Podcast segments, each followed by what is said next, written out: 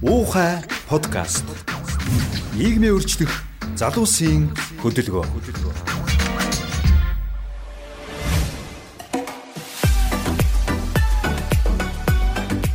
За сайн байцгаана уу? Ууха подкастын 13 дугаар дугаар эхлэхэд бэлэн болоод байна. За тэгэхээр энэ удаагийн сэдв Улс төрийн нам гэж юу вэ гэдэг одоо маш тийм эдрэттэй гэхүү сэдв бид нар сонгосон байгаа. За энэ сэдвээр бидэнтэй ярилцахаар манай ууха хөдөлгөөний хэд хэдэн гишүүн хүрэлцэн ирсэн байна. За тэгээ нар нар зөв танилцуулаа явчих. Эхний оролцогч маань бол манай Чулуун Билэг байна. Ухаан хөдөлгөөний гишүүн, улс төр судлаач, Арчилсан намын үндэсний бодлогын хорооны гишүүн. Сайн уу Чука? Сайн уу. За дараагийн оролцогч маань аа манай Булгантуя ирсэн байна. Сангийн дэд сайд Монгол Ардын намын нарийн бичгийн дараагаар ажиллаж байсан баг хурлын гишүүн. Сайн уу булгаа? Сайн байна уу.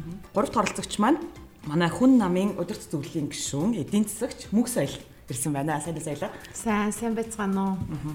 За уламжлал ёсоор бас студид хоёр хөтлөгч нь байгаа. За мөнхтөлийнхөө энэ удаад албан ёсоор намынхын албан тушаалтай хамт танилцуулна тий. За мөнхтөл зах зээлийн шинжээч хүн намын залуу хүн клубын тэргүүн. За миний хувьд бол жаргалан ухаан хөдөлгөөний гишүүн, арчилсан намын үндэсний бодлогын хорооны гишүүн, арчилсан эмэгтэйчүүдийн холбооны тэргүүнд За за ийм бүрэлдэхүүнтэй хэсэг бүлэг залуус улс төрийн нам гэж юу вэ гэдэг сэдвээр ярилцах гад сууж байна. За тэгэхээр шууд л ерөөсөө сэдвтэ оръё. За нэгэндээ чукагаас эхлэм чи чукагаас асууна. За бүгдэнд нь яг адилхан асуулт тавигдана. Тэр нь За нам гэдгийг нэг маш богиноор яг өөрийнхөө одоо нэг үзэл баримтлалыг хүрээнд ч гэдэг юм уу? Томьёолно уу?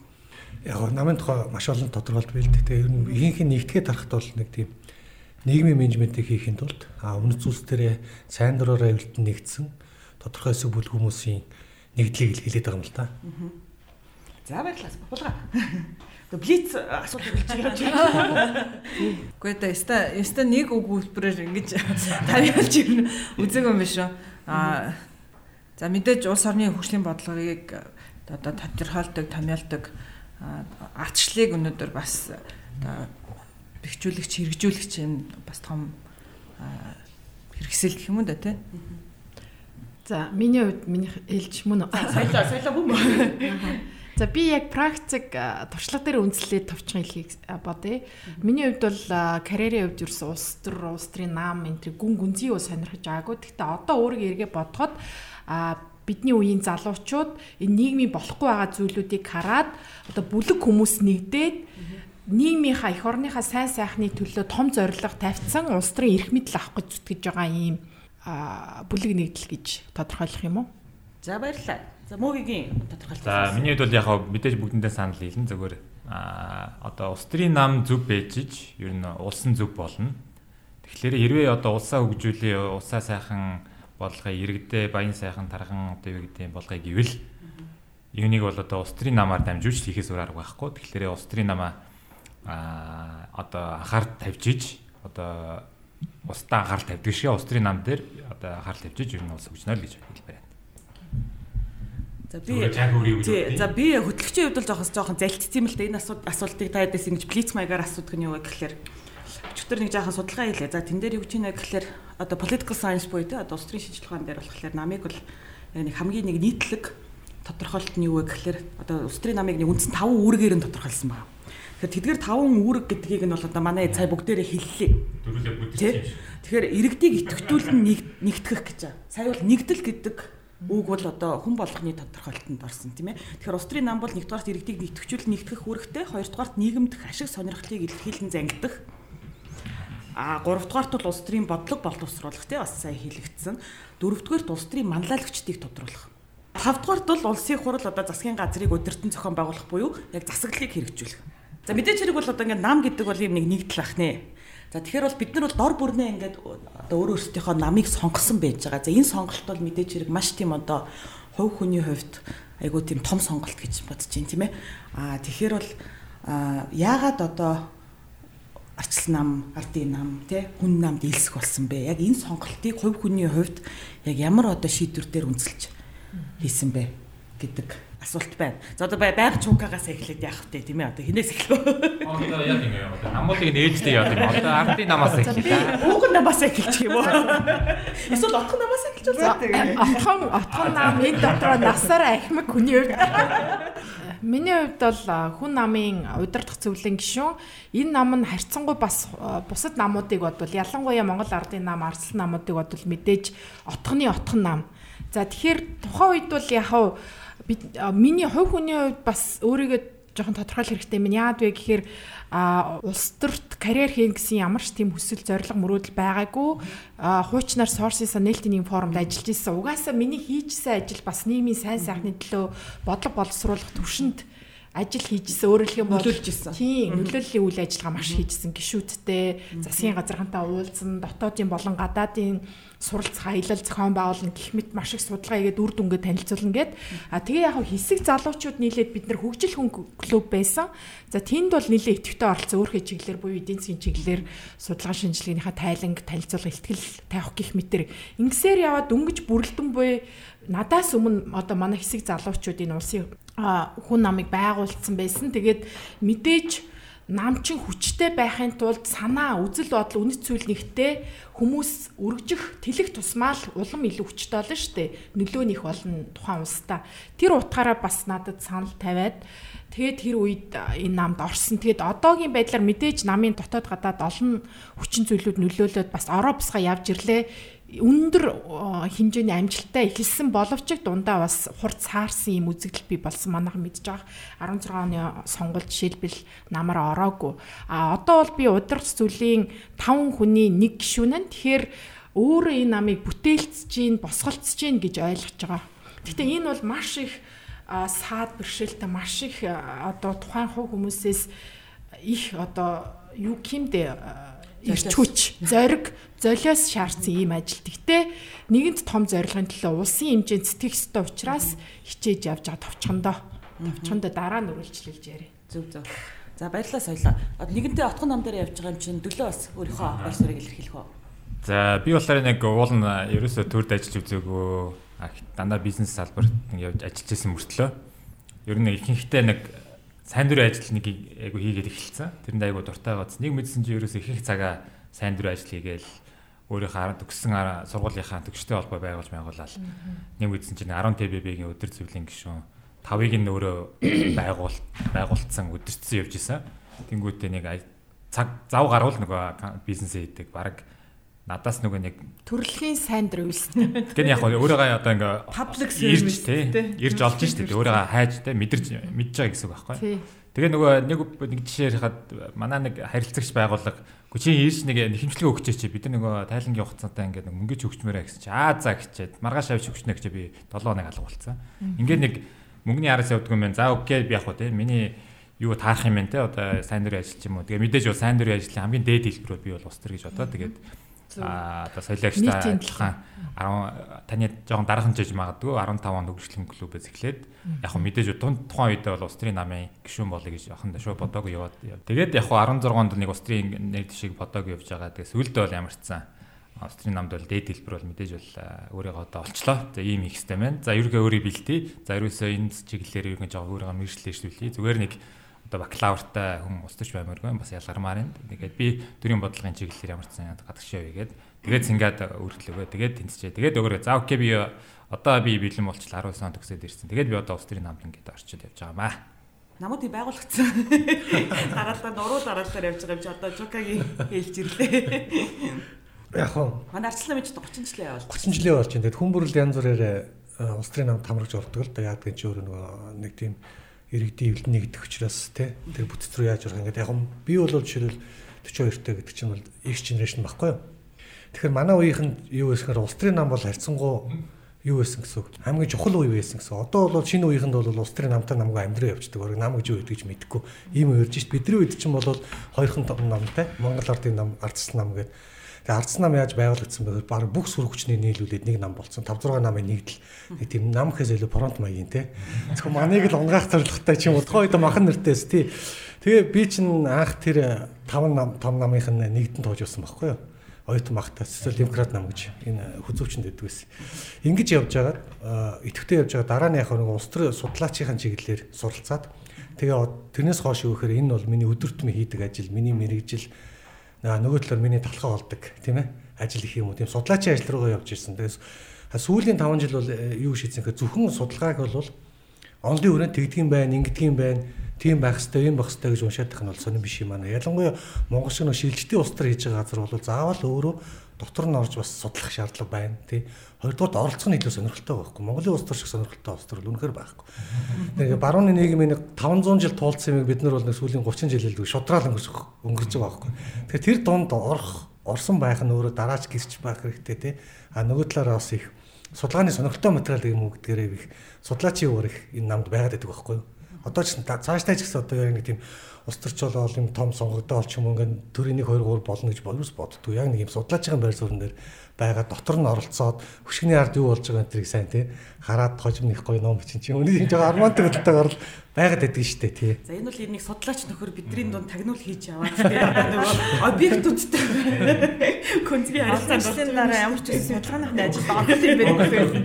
Судлагдахуунууд нь бид өнөөдрийн зорилго ч гэсэн бид нартэй танилцаж яваа байна. За баярлалаа Жока. За булгаагаас бас асууя. Манай ууган одоо улс төрийн хүчний төлөөлөл маань сууж хамгийн залуу хамгийн ихтэй явж байгаа. Нэр одоо удахгүй Монгол Ардын нам 21 онд 100 жилээ тэмдэглэв. Тэгээд хятадын коммунист намаас 3 сараар Азийн хамгийн ууган намын нэг гэж явдаг. Гэтэ энэ бол бас Монгол улсын хувьд бол бас том ахиц дэвшүүл авахгүй. Тэгэхээр бид нэр айл 1921 онд л тэ одоо бас Азда прогрессивны бас юм улс төрийн намыг байгуулж 24 онд хамгийн анхныхаа үндсэн хуулийн дээр хүртэл бас маш их тийм прогрессивны тэ гендер өмчийн харилцааны хүртэл нэлээд прогрессивны үзэл бодлуудыг бас тусгаж өгсөн. Мэдээж одоо өөр онд одоо эмгтээчүүд тийм шүү дээ. Эмгтээчүүд эмгтээчүүдийг нийгэм эдийн засгийн бүхэл салбарт одоо эрчүүдтэй эрхтэг шигэд тунхагласан гэл ингээл. Тэр бидний хувьд бол мэдээж түүхэндээ бас ахиц твшил гаргасан юм бол зөндөө их би. Би ч гэсэн бас яг ийм ил гарсан юм улстарч олно гэж үнийг хэлэхэд бол хизээж бодож байгаагүй. Би ч ингээд нэг юм бичиг цаастайгаа ноцолтоод номынхаа ажлыг хийх дуртай юм байхгүй. Тэгээ тэрүүндээ happy а тэгсэн гэхдээ би Америкаас ирчээд за би нийгмийн одоо бас ажилд идэвхтэй оролцох хэрэгтэй зөвхөн одоо ажил гэр хоёрын хооронд одоо явах бас явахгүй гэд тухайн үед бол үнийг хэлэхэд бол ардсан залуучтай холбоон дээр тийм үйл ажиллагаа их муутай Монголын залуучтай холбооч гэсэндээ баг хаалган хаана байдгийг ер нь хүн байдгийм үгүй мүү гэмээр баг тийм байгуулга байсан. За намын Монгол Ардын намын дэрэгдэх залуучтай холбоо бол маш идэвхтэй 21 аймагт үйл ажиллагаа явуулдаг. Тэгэд залуучтай холбоонд анх одоо бас илсээд тэндээсээ намайг ялангуяа миний одоо хэд хэдэн хил усыг те за энэ бүгдийг ашиглаад би та бүхэн гадаад харилцаан дээр төсөл хөтөлбөрүүд дээр одоо дэмжиж хамтарч ажиллая гэд ялангуяа бид нар энэ чиглэлээр бол би одоо хамтарч ажилладаг гэсэн. Тэгээ миний хувьд бол бас зүүн төвийн үзэл баримталтай гэдэг надад Монгол Ардын намын энэ нь бол их таалагддаг. Би нэг тийм одоо чадж байгаа нь урагшаа явсан тийм зэрлэг ардчлалыг үнэглэхэд бол төдийлэн сайн дэмждэггүй. Манай Монгол улсын хувьд бол тэр бол арай эрт байгаа гэж боддог. Чи одоо энэ өөрчлөлт шинжилтийн үеийг өнөөдрийн 50 60 та хүмүүс ч зарим нь өнөөдрийн хүртэл зарим нь хүлээж авч чадахгүй л шүү дээ тийм үстэй. Яг бол 90-ад оноос өмнө ч одоо эрүүл мэнд үнгүй байсан, боловсрал үнгүй байсан. Өнөөдөр баг мөнгө төлөх ёстой гэхээр хүмүүс яагаад гэж өнөөдрийн хүртэл хүлээж аваад байгаа ийм цаг үед магадгүй одоо Монгол улсын ядуурл багасаад боломж нэмэгдсэн одоо барууны улс орнуудын төвшөнд хүрсэн дараагаар тийм улс болж болох байх гэж би боддог. Тийм болохоор бас Монгол Ардын намын тухай би бас үзэл баримтлалыг нь харж зүүн төвийн үзэл баримталтай за энүүгээр бол ялангуяа одоо эмгтээчүүд, ядуучууд, нийгмийн бас эмзэг бүлгүүд энэ бүгдийг тодорхой хэмжээгээр бид нар бүгдээр ингээд одоо чирж явах төр засаг энэ үүргийг 3.1 3 сая хүн амтай улсын хувьд бол энэ үүргийг бас давхар хүлээж авах хэрэгтэй гэсэн энэ үзэл баримтлалыг нь бас харж сонгож ирсэн. Тэгээ үнэхээр улс төрийн намын одоо залуучуудаа бас зөвлөхөд энэ улс төрийн намын үзэл баримтлаас ахуулаад улс төрийн сонголтыг бол эхнээс их зөв хийх хэрэгтэй. Энд ч одоо олон нам дамжиж явна гэдэг чинь. Тэгээ бас үнийг хэлэхэд улс төр дотор бол тийм сайн сайхнаар үнэлэгддэг үзэл байдал нь бодлон төлөвшөөгүй юм байна. Ч гэдэг юм уу те. За яг зүгээр жирийн гишүүн байх дараа айгүйш магадгүй. Ялангуяа тэрэн дотор бол томоохон албан тушаал хашаад тэндээс одоо дэрэгдэх байгууллагын өдөр зүйлийн гишүүнээс өөр нэг нам руу шилжээд явна гэдэг бол одоо миний мэдгээр маадгүй олон улсын төвшөнд тэгж амжилт гаргасан Чөрчил лах тий Австрийн намаас ойлоод. Тэрнээс л их ховорхон. А гэхдээ сонгохоос өмнө тэр сонголтын үйл зөв хийх хэрэгтэй гэр бүлээ сонгож байгаатай адилхан маадгүй шашин шүтлгийг сонгож байгаатай адилхан энэ бол миний яг хувь хүний үзэл бодолтой нийцэж гин үү? Хоёрдугаарт энэ дотор би одоо нэг тийм хамтраад явах хүмүүс бас байна уу гэдэг гэж байна. Тий. Би хүмүүсийн ярьж байгааг сонсоод нэмж бас нэг ганц хоёр санаагаа хэлчихье гэж бодод. Ер нь бол уухаа хөдөлгөөнд бид нар бүгд байгаа штэ. А тэгээд ингээ ажиглахаар маш их юм төстэй үнэт зүйлүүдтэй хүмүүс цугларсан байгаа байхгүй. Өөрөөр хэлэх юм бол бид нар угаасаа уухаа хөдөлгөөнд Монголоо гэсэн сэтгэлээр нэгцсэн. Өөр өөр намд байгаа хэдий ч гэсэн бид нар нэг завин дээр суусан буюу нэг их оронтой а нийлхэм дээр нийлээ явъя гэж л нэгцэн штэ бүгд нөө дутууга нөхөлцөх маягаар а тэгээд түрүүн би нөө хүн намынхаа тухай хөдөлмөрийн үндэсний намынхаа тухай ярихтаа мэдээч нөө органикаар анх нэгдсэн процесс нь тэгж таарсан учраас хэрвээ би анханасаа улс төрийн сонирхолтой а ямар нэгэн улс төрийн карьер хийж гэж өмнө нь шийдсэн байсан бол Монгол ардын нам, ардс нам, бусад намууд гэж бодож байгаа сонголт хийх байсан бах. А гэтэл нөө органикар гэдэг шиг санамсаргүйгээр яах ихийн зургуу улс төрт ороод явцсан. А тэгээ хувь хүний амбиц нь мэдээж зүгээр судалгаа хийгээ танилцуулаад явах биш. Танилцуулж гаргаж байгаа үр дүнгээ бодит байдалд хэрэгжүүлмээр шүү дээ. Тхийн тулд яалтчгүй улс төрийн эрх мэдэл, засгийн эрх мэдэл чухал А тэрийг ардчилсан улсууд ерөөсөө л энэ улс төрийн сонгуулиар олж авдагаас хойш энэ нэгдэлд орцсон байна шүү дээ. Энэ органик үйл явц гэсэн үг. А тэгвэл би өөрөө ингээд энэ улс төр гэдэг юмн дотор ороод 2016 онд би дааж улсын хурлд сонгуульд нэр дэвшээд маш их зүйлийг ойлгож байна. Энэ бол маш хэцүү хашилтан дотор дайн гэхүү эсвэл одоо маш хэцүү шудраг шүрсэлтөө яагаад вэ гэхээр манай одоо хууль эрх зүйн орчин ямар байгаа илээ? Сонгуулийн тогтолцоо те? Хувь хүнээс илүү гаднаас шалтгаалсан ийм орчин ихтэй? Би өөрөө хэдий сайн байхыг хичээсэн ч маш их хүний болон хүний бус ийм орчноос хүчин зүйлээс шалтгаалж байгаа учраас. Тэгээ заримдаа харамсдаг байхгүй юу? Одоо жишээлбэл булган туяа байна. Одоо Монгол арслан намын манай жаргалан байна номин гэрэл байна. Одоо ингээ залуучуудыг харахаар ялангуяа эмэгтэйчүүд улс төрд орж байгаа эмэгтэйчүүдэд маш их зориг зүрх чадах хэрэгтэй учраас цөөхөн эмэгтэйчүүд улс төрд ороод намуудад ороод за яг тодорч гарч ирж нийгэмд өөрийгөө танилцуулж байгаа нь бас их цөөхөн байна. А энэ цөөхөн дотроо би маш олон янзын үйл ажиллагаагаар дамжуулаад эсвэл одоо судалгаа шинжилгээ эсвэл уухаа хөдөлгөөнөөр дамжуулаад их уулзаад ингээ явж хахад ерөөсөө үнэт зүйл нэгтэн хүмүүс яах ихийн зураг өөр намуудад орцсон буюу хүчээ сарниулсан байгаа байхгүй. Тэр би маш их санаа зовдөг. Магадгүй бид нар нэг дор цугларсан бол ямар нэгэн байдлаар цугларсансан бол илүү их хүчтэй ялтыг байгуулад энэ улс орнд эмгтээчүүдийн оролцоо жинхэнэ утгаараа чанарлагаар чадхтайгаар би болох байсан. А гэтэл бид нар ингэж хүчээ аль хэзээ энэ тогтолцооноос шилтгаалаад сонголтоос шилтгаалаад хуваацсан учраас одоо тэгэхээр залуучуудыг барыг улс төрөөс айлах гэдэг шүү дээ. Тэгээ би үл сонголтоо маш зөв хийгээсэй гэж байна. Би үл ингэж боддог. Чадвартай хүмүүс аль аль намуудад байх хэвээр. Яхаа Монголд жол одоо ийм хүчтэй ардчлал хөгдсөн улс төрийн соёл хөгдсөн Америк улсад хүртэл өнөөдөр хоёр том нам байгаад бараг л сонгуул энэ хоёр том намын л хооронд болдог. Тэгэхээр Монголд магадгүй зүгээр 30 40 нам байгаад бүгдээрээ шудраг өрсөлдөл бол хэцүү байж магадгүй. Гэхдээ аль нэг намд нь бүгдээрээ бүх чадвартай хүмүүс нь орчих юм бол за айгүй бол манайхан чинь өрсөлдөөн байгаагаад нэг нэгэндээ хяналтанд муудах юм бол сэргээрээ ардчлал бол алдагдана. А тэгэхээр аль аль намууд нь би үл хүчтэй байгаасаа гэж боддог. Одоо Монгол ардын намж хүчтэй, тэ зөв сайн мундаг боловсон хүчтэй, арслан намж гэсэндээ хүчтэй, мундаг боловсон хүчтэй. За аль аль нэг нь чек энд баланс хийдэг цөөхөн жижиг намууд ч байдаг юм уу, гуравдагч намууд байхыг бол үгүйсэхгүй тэ. За заримдаа бол жишээлбэл гадаадад ногоон нам гэл ингээл улс орон болгонд байдаг. За заримдаа ирэх цөөхөн судал авдаг. Авдгүй ч гэсэндээ ямар ч байсан ногоон гэдэг бодлогыг бүхий л нөгөө улс төрийн намуудын бодлогуудад суулгаж өгч чаддаг тийм хүчтэй намууд жишээлбэл байдаг. Яг тэрүүнтэй адилхан why not тэ ингээд байж болно. Гэтэ би энийг яагаад хэлсэн бэ гэхээр хүн амынхаа тоотой харьцуулахад манай улс төрийн намуудын тоо харьцангуй өндөр.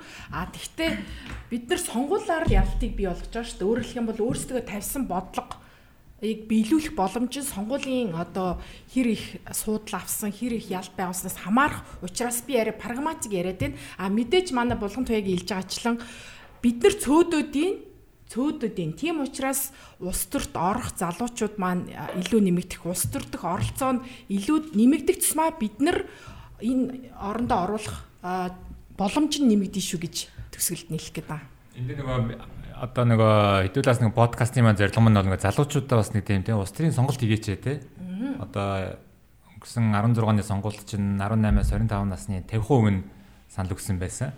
За тэгээд орон нутгийн сонгуулийг оролцуулбал ер нь бол 3-2-ын шахуу ер нь сонгуул өгдөггүй юм байна те одоо 18-аас 25. Тэгэхээр тэднүүстэй нөгөө нэг улс төрийн сонголт хийлмээр юм тийм үү? Улс төрч бол гэж хэлээгүй эсвэл нам зэг хийж юм аа зэг хийж юм уу залуу өнгөлөг ч юм тийш ороод мороод ингээд оюутны байгууллагын ороод хэрлээгүй зүгээр л сонгуульдаа 4 удаа нэг удаа сонгуул өгчээ. За жил 4 жилдээ 2 удаа ч юм уу те. Тэгэхээр нөгөө сонголт хийхдээ улс төрийн үзэл баримтлал залуучууд нь өөрсдөө мэдэх хэрэгтэй. Би бол би одоо 18 та 25 таахта би одоо зүүн төв юм уу, коммунист юм уу, фашист юм уу өөрийгөө мэдгүй шүү дээ би те. Либерал юм уу эсвэл ингээд диктатур болмоор байгаа юм те. Тэр мэдгүй байсан үе би. Тэгтээ тэр бол одоо болох хэрэгтэй. Залуучууд нь багасаа нэг улс төрийн ойлголттой би өөрөө зөвөн төв юм. Би өөрөө коммунист нийгэм байгуулах хүсдэг юм уу те. Би өөрөө эсвэл чөлөөт зах зээлийг 100% дэмждэг хүн юм уу гэдгийг уус багтаа ойлгочоод 18 таа байхдаа ойлгохгүй бол яах яа ямар суугалт ингэх юм бэ?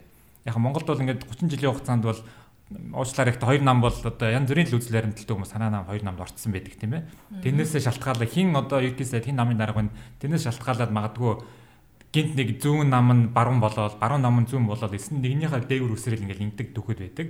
Тэгэхээр одоо бол мэдээж арь юу болох хэрэгтэй? Үзэл баримтлалаар тодорхой болгоод би өөрөө өөртөө өөрийгөө мэдмээ санагдаа би нэг шалгалт өгөөд би өөрөө мэдж байгаа байхгүй. Би яг үнэхээр л яг зүүн төвийн одоо social liberal identity төрлийн үе юм байна буюу. Нийгмийн хувьд бол эрхчлөөг дэмждэг. А гэхдээ а эдийн засгийн хувьд бол тодорхой эдийн засгийн оролт төрийн оролцоо эдийн засгийн тодорхой хэмжээнд гэхдээ коммунист хэмжээнд биш шаардлагатай үед ордог тийм үе юм байна гэж мэдчихэд тэр нь одоо миний илсэн үн намтай таарад байгаа байхгүй тий. Магадгүй нөгөө хүн ардны намын гэсэн үздөнтэй үзэл бодолтой миний гэсэн таарах хэрэгтэй байгаа. За би бас 2000 онд 2000 оны Улсын хурлын сонгуулийн үеэр арчилсан илсэн байдгийн. За тэгэхэд бол яг дөнгөж оюутан болцсон байсан. Тэгээ нэгдүгээр курсын оюутан. Тэгээ нэгдүгээр курс чинь болохоор тийм либерал арт сургуульд юу заадаг вэ гэхлээр те одоо нөгөө Аристотель, Плато энэ төр уншиж байгаа л тийм одоо нөгөө эртний грекийн нөгөө том том одоо сэтгэгч нарын зохиолуудыг уншиж байгаа л тэнгууд яг Монголд ирэнгүүд. А тэнгууд яг тэгэхэд бол би зөв юу гэж бодсон бэ гэхлээр Монголд арчил те бүр юм шууд утгаараа яг тэр төлөөлөл бол тэнд байна. Тэ манай хүн ам цөөтэй тийм ээ. Одоо нөгөө яг төлөөлөх гээд тий одоо нөгөө одоо их хурд нэр дэвшээд байгаа тавар шин тий хүн болгонтой очиж гэртэнд очиж уулзаад тий нүдлүү нь хараад би ийм хүн шүү тий Тэр чиний хүмүүс чи монголчууд бас нэг хүнийг таньдаг штеп. Тэ? За энэ нөхөрт бол итгэж болох юм байна. Тэ энэ бол миний төлөө тэ ажиллах юм байна. Тэгээ бүгдэнтэй гар бариад тийм үү?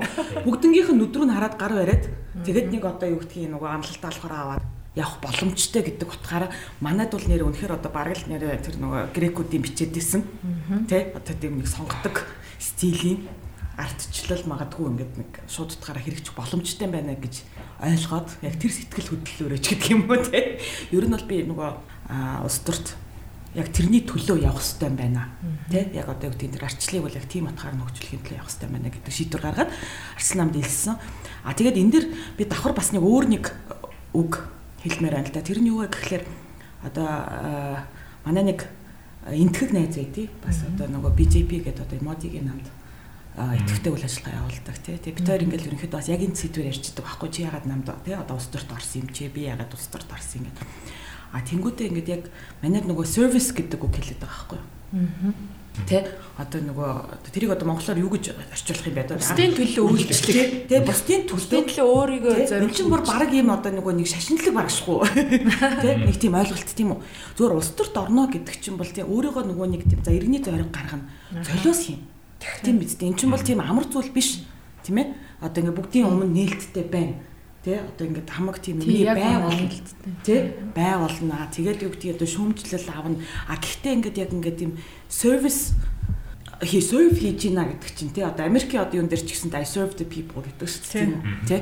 Тэгэд яг тэр ойлголтыг бид нар одоо бас нутагшуулах тий түгэх. ёстой тийм үү улс төр гэдэг чинь зүгээр дарга болох гэдэг хэлбэр ерөөсөө биш шүү дээ тий одоо нийгэм болж чадахгүй байгаа зүйлүүдийг олж хараад тийм үү? А тэнгуүдээ тэрнийхээ төлөө бас өөрийнхөө одоо үйл хэргийг өрнүүлээ. Бид нарт хинч цалиухгүй тийм ээ? А тэгээд цаг заваа зарцуулаад одоо ингээл мөрийн хөтөлбөр гэл бид нар одоо жишээлбэл сүүлийн нэг сар ингээл ямарч тэгэл юу гэхээр ингээл сууж байгаа тийм юуны төлөө тэрийг хинч харахгүй тий? Хинч мэдэхгүй а гэхдээ ингээд тэр чинь бас нэг тийм сэтгэл байна шүү дээ. Тий? За нэг тийм зүйл яхийг хэлхийг хүсье. За тэнгуүтээ нэгэнтээ энэ чинь ингээд олон намын төлөөллөд байгаа ч гэсэндээ биднийг бүгднгийн бас нөгөө уухаа хөдөлгөөн бол сайн нэгтгсэн тий зарим хүмүүстэй бол бид нэр сая уухагийн одоо буйнаар гэдэг юм уу танилцсан тийм а тэнгуүтээ уухаа дээр бол ингээд бас яг юм нөгөө суур үзэл санаанууд дээр бид нар бол ингээд айгүй ойролцоо ихтгэл өмшлтэй хүмүүс байгаа тийм үү а мэдээч хэрэг өөрөөр намын төлөөлөл юм гэдгийн хувьд одоо жишээлбэл бид одоо би илүү одоо баруун баруун төвч гэдэг юм уу тий одоо гэдэг нэг зах зээлийн оролцоог илүү үздэг ч гэдэг юм уу а гэхдээ бол яг суур одоо тэр одоо нөгөө юу гэдгийг арчил эрхчлөө тий хүний эрхийн ойлголтын дээр бол бид нар нэгдээд байгаа тий. Тэгэхээр дараа дараачийн улс төрөө бол одоо бид нар бол яг энэ суур юугаа үнэт зүйлүүдэд хамгаалах замаар хийн гэсэн тийм зүйл. За тэгэхээр би хүн намын хоёр хүнээсээ асуумаар байна л да. Тэн дээр яаж ийнэ гэхээр ялч ялцчгүй нөгөө улс төрийн тогтолцоо нь өөрөө тэгээ сонгуулийн тогтолцоо бол ялцчгүй ингээд нөгөө нэг бас улс төрийн намуудын төлөвшөл хөгжилд нөлөөлдөг тийм үү. Аа тэгэхээр бол манайх бол одоо яг нөгөө сая сонгуулийн тухай хуулиа батллаа, үндсэн хуулиа батллаа. Аа тэнгүүт а нөгөө пропорционал уу мажоритар уу энэ гэсэн баахан ярианууд явагдаж байгаа. Зөвхөн бол мажоритар дээр оцорлоо. А ийм мажоритар тогтолцоо бол одоо дэлхийд даяар байгаа газраа бол ялтчгүй нэг хоёр том намын тогтолцоороо бол түлхдэг. Тэ? Одоо Америкийн жишээ байж байна, тэ? Английн жишээ байж байна, тэ? За тэгэхээр яг энэ нөхцөлд тийм үү ийм одоо 3 дахь улс төрийн намыг сонгоод тий тэгэж явхад зүгээр та нар яг одоо өөрсдийнхөө үүрэг ролыг юу гэж бодож байна вэ? Одоо зүгээр дебатыг хилцүүлгийг нэг тийш нь чангаах зорилготой гэж харж гинөө одоо нөгөө Сандерс шиг тийм үү? Одоо Сандерс ч хүртэл одоо нарт арчлал нам дотроо одоо илүү хэд зүүний байж иж нөгөө хүмүүсийг жоохон чангаах гэдэг шүү дээ тийм үү? Намаа одоо юу тийм төвийн нас тийм. Тэгэхээр энэ дээр одоо яг өөрсдийнхөө оролцоог юу гэж харж байна? Бод шанс байна гэж үзэж байна? Зүгээр энгийнээр ярихыг оролттой. Ер нь бол уухаа хөдөлгөөнийхэн маань залуучуудынхаа оролцоог дэмжиж буюу оролцоо гэдгийг бид нар заавал аль нэг улс төрийн намыг сонгоод өөрсдөө улс төрч болоод тэгээ дараа нь гишүүн болохын төлөө ч юм уу явах юм хязгаарлагдмал хүрээнд бол ойлгохгүй. Бид нэр залуучуудынхаа оролцоог а таны амьдралд та нарын маань те залуучуудын маань амьдралд ч гэсэн үйлсэд ч гэсэн энэ улс төрийн сонголтоор гарч ирж байгаа тэр улсын хурлын гишүүдийн боловсруулж гаргаж байгаа хууль эрх зүйн орчин бодлого нь нөлөөлөд байгаа учраас энэ одоо олгогдсон эрхээ эдлэчээл гэж үсэт байгаа. А хөдөлмөрийн үндэсний намын хувьд бол а одоо жишээлбэл байгууллагаар жишээлээд үзье л да. Байгууллага дотор ч гэсэн хувь хүн ажил хийхээр жишээлбэл нэг газраа хүн доотлол нь 6 жил за түүнээс дээш олон жил болохоор хаа хашилтан дотор дасан газрын даавуу зөөлөн гэдэг шиг аяндаа бас нэг цаанаасаа ямар нэгэн байдлаар ялзрах юм уу ямар нэгэн буруу одоо тийм юу би болдог штэ тэрэн шиг яг хоёр том намаа тэгж хэлээ. Гэхдээ нийгмэрээ асуудлыг бол ойлгож байгаа дээ. Янз бүрийн асуудлыг. Өнөөдөр бидний зорилго бол тэр асуудлыг ярих биш. Тэр тэр утгаараа нэгэнтээ шинээр гарч ирж төрж байгаа энэ нам маань буюу энэ одоо харьцангуйас гадаадад дотоодод доотл нь 10 гаруй жил дунджаар 15-аас дээш ажилтсан ийм туршлагатай залуучууд байгаа юм. Тэгэхээр бүгдээрээ одоо өөрсдийнхөө энэ 90 үеийг гартаа авъя. Өөрсдийнхөө тавиад байгаа энэ бохирдоогүй цэвэр тэгсэн мөртлөө алсыг харсан потенциалаа ашиглахын төлөө явъя гэдэг. Хүн манай хөдөлмөрийн үндэсний намын гол тавьж байгаа бодлогын одоо концепц нь хүн дээд үзлэхгүй хүн төвч ш хүн дээд альва нийгэмд бол хүн нэг бүр нэгж үнэт зүйл. Тийм учраас хүн нэг бүрийн эрүүл мэнд боловсрал ахуй амьдралыг бид нар анхаарч ах хэрэгтэй гэсэн ийм бодлоготой тэр салбар бодлогыг бол оруулсан. За мөрийн хөтөлбөрийг ярихгүй гэсэн. Гэхдээ бид нар энэ болгоныг тооцож ин мөрийн хөтөлбөр гаргаж ирж байгаа. Тэр энэнийг л маш сайн нийгэмдээ сурчлага тэгтээ аль болохоор агаараас түрүүний миний хэлсэн сул тал буюу тэр хүний сүлжээ гişүнчлийн боломж байхгүй санхүү мөнгө хөрөнгийн нөөц байхгүй болохоор арай өөр арга барилаар явах гад ингэж хичээж байгаа. Гэхдээ бодит нийгмийн байдал дээр бол бидний орон зай байгаа гэж харж байгаа. Яагаад вэ гэхээр судалгаар магадгүй одоо 10-аас 20% нь Монгол ардын нам, 10-аас 20% нь Арс нам байлаа гэж бодоход үлдсэн хувь дээр хүмүүс шинийг хүсэж штэ. Шинийг хүсэж гин гэдэг нь 3 дахь хүчний орон зай хүсэж байгаа эсвэл магадгүй Монгол ардын нам Арс нам дотор байгаа залуучуудын явуулах гээд байгаа залуучуудынх нь хүсэж байгаа юмыг дэмжиж байгаа гэсэн ийм ойлголт гэж харж байгаа. Тэр энийг л бид нэр нам харгалцахгүй гэдэг үднээс уухаа үдгэн гаргацсан. Энэ нийгэм энэ Монгол улсад хэрэгтэй тэр үнэт зүйлийг бий олохын төлөө намаараа дамжуулаад эсвэл уухаад Оросын энэ залуучуудын үнэт зүйлээрээ дамжуулаад сонголтыг бас тэгш боломжит хэмжээнд зөв өндөр байлгахын төлөө ажиллаж байгаа. Товчгоо ярих. Товчгоо ярих. 5 минут. Гэхдээ би бол ингэж бодод штэ. Ер нь бол дэлхийд даяар угаасаа улс төрийн намуудад дэлхийд даяар одоо залуучууд дурггүй байна. Ардчил бол одоо өнөөдөр бүр ингээ яриад дээ мухардалд хүрсэн юм шүү гэд ингээ дэлхийд даяараа те. За өнөөдөр Америкийн сонгуульч гэсэндээ ингээл амар цоон өөрөө бурууч юм шиг тийм. Гэхдээ заримдаа тогтолцоонд бурууч юм шиг. Америк өөрснөө бараг л одоо арчлын их орон улсууд хүртэлгүй одоо энэ арчилч одоо ер нь болж байгаа юм болохгүй юм уу гэдэг хүртэл юм нөхцөл байдалд хүрсэн байна. Бид нар ч ороод тэднийг дагаж явж байгаа хүмүүсийн хувьд заримдаа нэрийн тогтолцоон эсвэл болохгүй юм уу? Монголчууд бид нар болохгүй юм уу гэдгийг хүртэл бас ярьж л байгаа байхгүй. Гэтэ яг энүүнээс илүү сайн тогтолцоо өнөөдөр харамстай гарч ирж чадахгүй л байна л та. Тэгэхээр бид нар одоо тэгээд өөрөө өөрснийхөө хэмжээнд айлхаар өөрөө өөрснийхөө боломжоор энийг үл хөгжүүлээд явах хэрэгтэй. А тэгээ мэдээж айгүй хэцүү процессд олж авсан 30 жилийн өмнө олж авсан энэ арчил гэдэг юм залуучуудын оролцоогүйгээр Монголын хүн амын тэгээ сонгогчдын хүртэл бараг 50% нь өнөөдөр залуучууд байгаад тахад хэрвээ хойшоо суух юм бол харамсалтай нь энэ бол одоо алдагдах гээд байгаа байхгүй. Тийм учраас өнөөдөр уухагаас ингээд залуучуудын улс төрийн намуудын төлөөлөл суугаад та нарын оролцоо хэрэгтэй байна шүү. Өнөөдөр андч бай, мандч бай, хүндч бай болж байгаа ч юм байгаа. Тэгээ болохгүй ч шүмжлэхэр ч юмнууд байгаа. За энэ бол дэлхийд дайрал өнөөдөр бас айл айл намуудад л байна. Өнөөдөр хамгийн сүүлийн үеийн болсон дэлхийд дайр болсон сонгуулиудыг харал та. Шведэдтэй ингээд одоо авилгалын эсрэг одоо ярьсаар агаад одоо 3 дахь хүчин жишээлбэл өнөөдөр ялаад гараад ирлээ. Маш их pop pop намууд одоо Италийн жишээлбэл 2020 оны хамгийн том эрсдлийг ярихад жишээлбэл Италийн амар одоо популист улс төрийн нам ярьсан бол энэ бол ерөнхийдөө популист нь улс төр Европын улс төрийг хүртэл анхуулахаар байна гэж жишээлбэл ярьж байсан. Тэгэхээр энэ бол ганцхан өнөөдөр Монголд бас болоод байгаа процесс бол бас биш. А гэхдээ өнөөдөр аль аль намууд ялангуяа залуучууд руу бүгд л нээлттэй байхыг хүсэж байгаа. За зүгээр залуучууд бол өөрснөө бид нар яаж оролцох юм бэ гэхээр гэдгийг яриад байна. Дээрээс нэмээд за нэр дэвшүүлж байгаа хүмүүс чинь заримдаа тэг дэвшүүлж байгаа мөрийн хөтөлбөр чинь тэг хурж байгаа арга барил чинь өөрсдөө таалагдахгүй залуучуудад гэж л яриад байгаа байхгүй. А тэгэхээр уухагаас бид нар болохоор юу гаргаж ир тавих гээд байна гэхээр тэг залуучууд руу бид нарт нээлттэй баймаар байна. Тэг оролцоо гэж хангамаар байна. Тэгвэл яаж оролцох вэ гэд магадгүй энэ подкастын доор комментэр ч гэсэн залуучууд бас оролцоогоо илэрхийлж болно ш бид нар л тийм. Яг би болгонд уучлаарай А за төлөөгөө юм ярихаас булган туйлын санал нэг нь угаасаа энэ нөгөө улс төр судлаар ажилладаг судалгаа хийдэг одоо Стэнфордын профессор Фукуямагийн бичсэн улс төрийн сурвалж гэдэг ном дээр ч гэсэн дурдаад ингээд жоохон гацаанд орцсон. Өөрөөр хэлэх юм бол яах ёстой ардчлалын энэ тогтол ардчлал бол маш чухал хүн болгоны оролцоо энэ сонголт чухал боловч энэ сонгуулийн систем бас өөрөө эргээд асуудалд ороод байна. А эргээд буцаад Орос ч гэдэг юм уу Хятад ч гэдэг юм бусад тогтолцоо гарахаар бас төгс биш.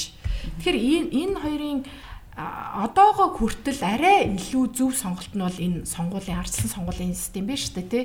Тэгэхээр мэдгүй хүн төрөлхтний энэ хувьслын хөгжлийн үйл явц яалтчгүй мөн бах гэж харж байгаа. Залуучууд юу хүсэж байгаа өөрсдөө өөрийнхөө амьдралыг сонгомоор байна, шийдмээр байна улс төрөөс ангид баймаар байна гэж байгаа боловч шийдэл бол ерөөсөө л улс төрийн намуудын энэ институцийн замаар явж бодлого тодорхойлогдох гэдэг учраас энэ системээ сайн ойлгоод оролцоо бол зайлшгүй байх ёстойг бол бид нар ерөнхийдөө ойлгох гад. Наад нар чи нэмэт хэлэхэд угаасаа технологийн шинжилэл, нийгмийн шинжилэл те нийгмийн нэг тийм хувьсэл явж штэ бид нар бол тийм бас тийм сонирхолтой үед амьдарч байна. Мэдээл маш хурдтай савлагдаж байна.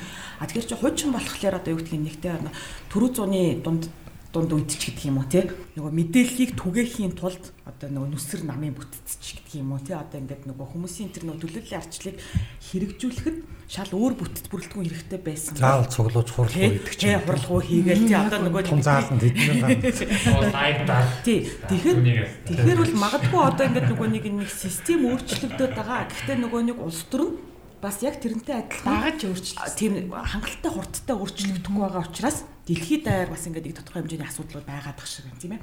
А тэгэхээр түрүүний нөгөө миний ярьдаг уул ингээд манад бол маш их тийм одоо ингээд нэг арчилт бол маш их нөөц болцоо байна гэдэг шиг. Одоо жишээлбэл сошиал медиа дээр янз бүрийн бичглэр бол бас тодорхой хэмжээний эрх баригч нарт нөлөөлж чадж штеп Тийм ээ? Одоо ингээл одоо юу гэдэг иргэдийн одоо янз бүрийн үзэл бодол тийм ээ? Сошиал медиагаар өөрсдийгөө илэрхийлэл тэрэн тодорхой шууд ирэх баригч нарт хүрээл тийм үү тодорхой шийдвэрүүдэд өөрчлөлтөгч гэдэг юм уу тийм. Энэ бол гэхдээ яг одоо зүгээр бас нэг нэг төлөвлөлийг нэг хэлбэр шүү дээ тийм үү. Яг тэр нь гэхдээ одоо яг яг одоо механизм нь бодиттой байна уугүй юу? Яг хүн амын тодорхой хувийг хамарч чадж гин үгүй юу гэдэг нь л асуудал. А тэгэхээр бол магадгүй одоо бидний үе ахаа цаашаа 30 40 жил тийм үү? Ингээд одоо нийгмийн идэвхтэй үйл ажиллагаа явуулна тийм ээ. А тэгэхээр бол одоо цаашдаа одоо энэ хувьсан өөрчлөгдөж байгаа нийгэмд тий энэ Устрын нам гэдэг институт ямар байх ёстой юм бэ гэдгийг одоо баг бид нар нэг шинээр бодж болох нэг жоохон инновацлог байх хэрэгтэй биш. Энд дээр тийм инновацлог санаа оноо юу вэ манайхаа? Аа одоо л яах аргагүй нөгөө дэлхийд даяар нөгөө устрын намууд итгэхэ байчлаа гэж ярьж байна те мэдээж бол би бол зүгээр тайлбарлах гэж орд өөрийнхөө хэмжээнд устрын судлаач би ч гэсэн чукаг ажлыг хийж өмнөөс нэгээд яагаад нөгөө магадгүй устрын намд итгэхэ байцсан юм уу сонирхоо байцсан бэ гэхлээр би бол энэ шууд сошиал медиад холбоотой гэж бодож байна. Хуучин бол нөгөө нэг өөрийнхөө амьдралынхаа бухимдлаа заавал одоо гаргахын тулд заавалч устрын намаар дамжуулж өөрийнхөө ашиг сонирхлоо илэрхийлдэг байсан бол одоо бол Facebook дээр бичээд бухимдлаа гаргачихж байна. Энэ улс төрийн номдор очих гүйж гүйж очиод шаардлага байхгүй. Харин ч тэр нь илүү бас яванда давлгаалаад вайрал болох юм бол улс төр нөлөөлөд байгаа байхгүй. Гэтэ нөө social influencer байна Тэгээ policy influencer, бодлогын influencer байна гэдэг бол хоёр өөр асуудал байхгүй. Тийм үстэй. А мэдээж нэг хүн үзэл бодлоо сошиал руу илэрхийлээд те Facebook руу гэдэг юм илэрхийлээд тэр нь буцаад бодлогот нөлөөлж болж байна. Ахта тэр бол айгүй урт процесс аахгүй. А өнөөдөр улс төрч гэдэг хүн бол юу вэ гэхээр магадгүй нийгмийн өнөөдөр санаа бодлыг барьж байгаа тэрүүнийг бодлого болгоо хэрэгжүүлэх За улс төрч бол миний бодлоор магадгүй хоёр янз байдаг баг. За нэг хэсэг нь би бол нэг энэ хэсгийн дистрактив гэж би хэлдэг. Тэр нь болохоор ерөөс шөмжлээ суугааддаг. Тэгсэн мөртлөө шөмжилдэг мөртлөө ерөөсөө шийдэл гаргаж ирж тавьдаггүй.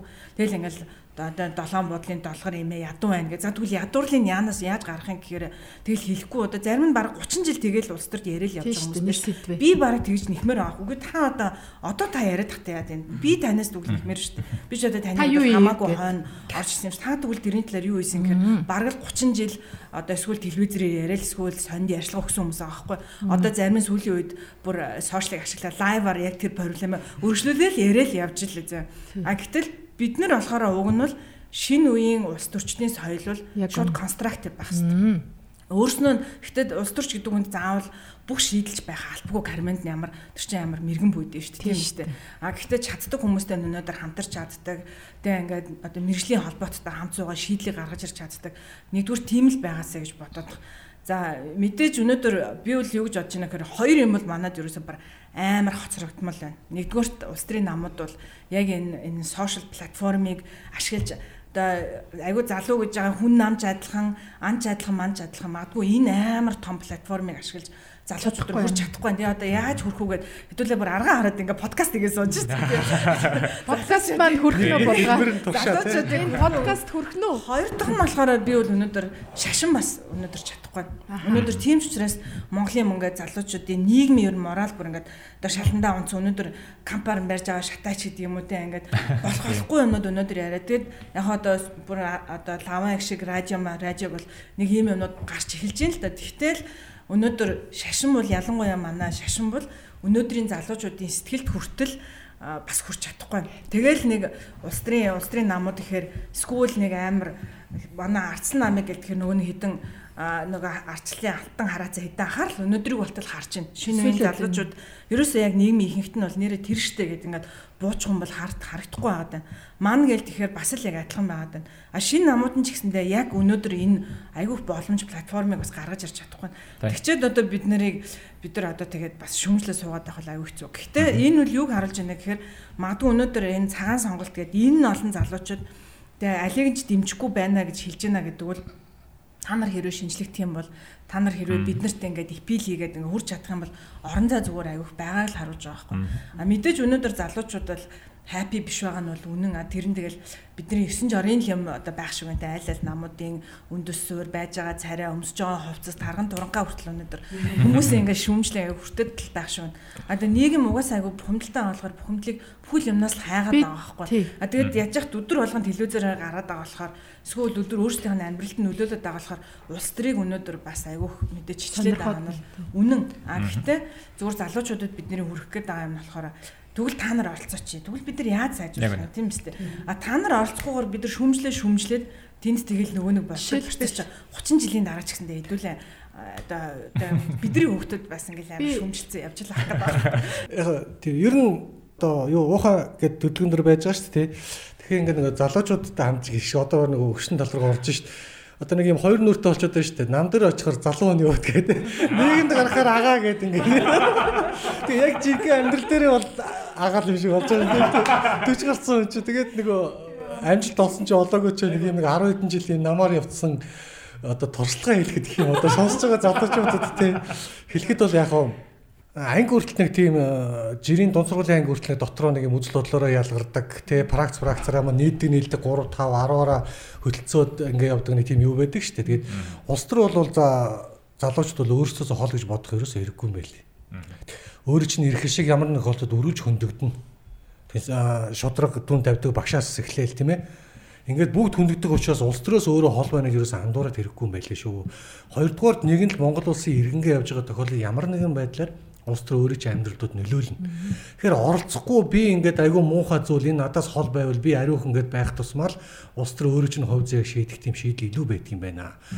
А хоёрдугаар улс төрийн нам дээр ороод ирэх гэсэн одоо ингээд орж ирээд телевизээр одоо түрүүн булгаа сайд хэлж байгаа шиг 30 жил ганцаараа ярьсан 30 жил одоо зурагтаар юм эсвэл сонингоор ярьсан хүмүүсийг чинь бидрийг харахтаа одоо ингэ яриа сууж байгаа бидрийг харахтаа амуусан залуучууд цаг нь олоогүй гэдгээд яг нам дотроо бид нэр сөөхөн залуучууд болчиход байгаа байхгүй тийм шиг гарахаар ах нар болчиход байна. Тэгэхээр дараа үе маань ингэж устрын намаар ч юм уу бүр одоо нам дург бол одоо манай уухай хөдөлгөөн өдр шиг юм хөдөлгөөнүүдээр нэмж орж иж хэлбүүлээ нээлж олуулаа болж иж нөгөө 30 жил мэлээр явсан хүмүүсийнхаа арай илүү бодлого, илүү бодиттой шийдэл ингэж гаргаж явахгүй бол аль аль талдаа нэг тийм цөөн хөөсаргаал ингээл дуусах шинж яваад байгаа байхгүй жишээлбэл хүн амынхаа хувьд одоо залуучууд баг 2 үний 1 шахав шүү дээ тий 18-аас 39 насных. А тэгсэн мөртлөө төрөөс гарч байгаа бодлого жишээлбэл яа тэгэхээр дандаа ахмадуудад тэтгэврийнхэнд за эмэгтэйчүүдэд тэгээ төрийнхэнд ч юм уу ингээ гардаг. Тэг яагаад ахмадуудад зориулаад ингээд илүү мундаг гараад байна гэхээр яг үнэндээ тэр зөөх хамт чинь улс төрийн оролцоо айгүй итгэвтэй байгаа байхгүй тий. Тэр хүн итгэвтэй юм даа хин жагсч чинь ахмад дууж жагсч чинь хин хорон дээр ахмад дууж чинь хорооны хуралд хин орж ийн ахмад дууж орж ийн тий. Хин телевизээр одоо амьдрал болохгүй энийг шийдгэж хэлж ийн орж ийн. Тэгэхээр ингээ илүү олон нь биш илүү итгэвтэй нь явдаг юм нэг чөлөөт нийгмийн одоо сүрэг тал гэх юм уу сайн тал гэх юм нэг талаар байна. Тэгэхээр олоолаа мөртлөө итгэхгүй учраас одоо байнга тэр өөртөө чинь нөгөө залуучууд иргэшиг хамгаалдаг бодлого бол сул яваад байна. Төрийн бодлогоч тийм байна, улс төрийн намын бодлогоч тийм байна. Тэгэхээр бол залуучуудад хандаад хэлэхэд бол одоо олуулаа байгаад зодуулж ханлаа тийм ээ. Аль аль талтаа бид нар ч нам гэж яваа нам дотор цөөнх байна. Та нар олуулаач гэд ингээд аль аль талд ингээд намд муухай харагдахгүй, улс төрийн намд орохгүйгээ яваад байж. Гэхдээ хувьцаа явдгаар явна бидний иргэшиг байдгаар байна. Тэгэхээр хэдүүлээ нэгтцгээе нам намд одоо өөрийнх нь түрүүн та хэд хэлдэг шиг үзэл бодлороо нэгдий. А үзэл бодол эдгээр нь одоохондоо хол хөндий нэг тийм агаар юм шиг байгаа болвол зүгээр л хоорондоо ярьцгаая. Тэгээд манай залуучууд гэдэг. Залуучууд гэдгээр уух хөдөлгөөн дээр ярьд ч юм уу ингээд чөлөөтэй нэг тэгээд уулзаад ярилцаад ингээд явж болж байна. Яг та нартайгаа яг яаж холбогдох байх гэж нар байсан. Бид нар яг завсрын үе бол. Подкастыг сайн байна уу гэж сууж байгаа. Та нар минь сайн байна уу? Дундаж нас 32 3 байгаа юм шүү дээ. Тэгэхээр чин тийм тэгэхээр чин бүр Монгол улс бол бүр маш залуухан улс тийм. А гэтэл өнөөдөр хамгийн залуухан гişүү учрал гişүү хүртэл дундаж наснаас нь дээшээ болчиход байгаа байхгүй. А тэгээд ихэнх шийдвэр гаргаж байгаа хүмүүс бол мэдээж тэрүүнээс хамаагүй өнөөдөр хол байгаа да. Тэгэд яг л түрүү хэлж ин л да залуучууд дээр өнөөдөр тий. Одоо залуучууд чинь хүрх хянтаа амьдралдаа бас ингээ бид нар ч бүгд амар нохлолч тийм ээ л да өчнөө хүүхэдтэй тэгээд дөнгөж амьдралынхаа гарааг эхэлж байгаа таван төгрөг болоо нэг байр майртаа олчмаар байдаг. Машин эзээл аваачдаг бизнесээ ч эхлэмээр байдаг. Яг энэ цаг үед question дээр буу завгүй байгаа. барыг оюутан багтай айгүй тийм юм биш үү? Тийм байхгүй тэгэхээр настайчууд яг ипотекийн зээл олохгүй яах вэ? Тэгээд ихтэй сургуулиудад э, оюутнуудад зээл өгөх үү яах вэ? Оюутнууд руу чиглэсэн ямар бодлого явуулах юм. Тэгээ хүүхдүүдийн чинь сургууль цэцэрлэгийн одоо үдийн цай байх юм уу, үдийн одоо хоол гэдэг хөтөлбөр байх юм уу. Энэ бүгд чинь үнийг хэлэхэд яг л өнөөдөр өстөр чинь шийдэж байгаа байхгүй. А тэгснээ өөрснөө яг үнийг хэлэхэд айгүй олон яг одоо нөгөө энэ амьдралаас чинь бүр хол гарцсан. Бараг өөрсдийнх нь хүүхдийн нь амьдрал байгаа даа байхгүй тий. Одоо цэцэрлэгийн наснаа хүүхдтэй хүн бараг байхгүй шүү дээ өнөөдөр. Тэгээ тэгэхээр үнийг хэлэхэд бол ийм амар хол юм дээр очиж шийдвэр гаргаж байгаа учраас яг залуучуудын дуу хоолой бол аюу дутаад. Тэгэд Америкт нэг үг гэдэг шүү дээ. Сонгуул гэдэг бол Америкийн ардчлалын баг оргил юм аа гэт тийм. Тэгээд тэнд очиж өнөөдөр сонгуулаа өгнө гэдэг бол баг Америкийн хувьд бол үүрэг юм бахархал юм гэд. А дээрэс нэмээд өнөөдөр Америкийн ялангуяа ардчлалаа гэдэг хайрладаг иргэдэн нөө улс төрчтэй муухай юмд ингээд мөнгө гууж янз янзын юмд оруулахгүй тул супер пакууд гэдэг ингээд байгуулад өөрснөө дундаасаа сан сан ингээд байгуулад өмнөөс нь мөнгө босгоод а тэгээд жишээлбэл улс төрийнхаа одоо намуудад ингээд хандивлаад тэ эсвэл өөрснийхөө дэмжиж байгаа улс төрчийн өнөөдөр одоо дундаасаа гаргаж ирээд дэмжиж. А тэгээд за та бол мөнгө төргнөөс хол яв. Та лоббиноос хол яв.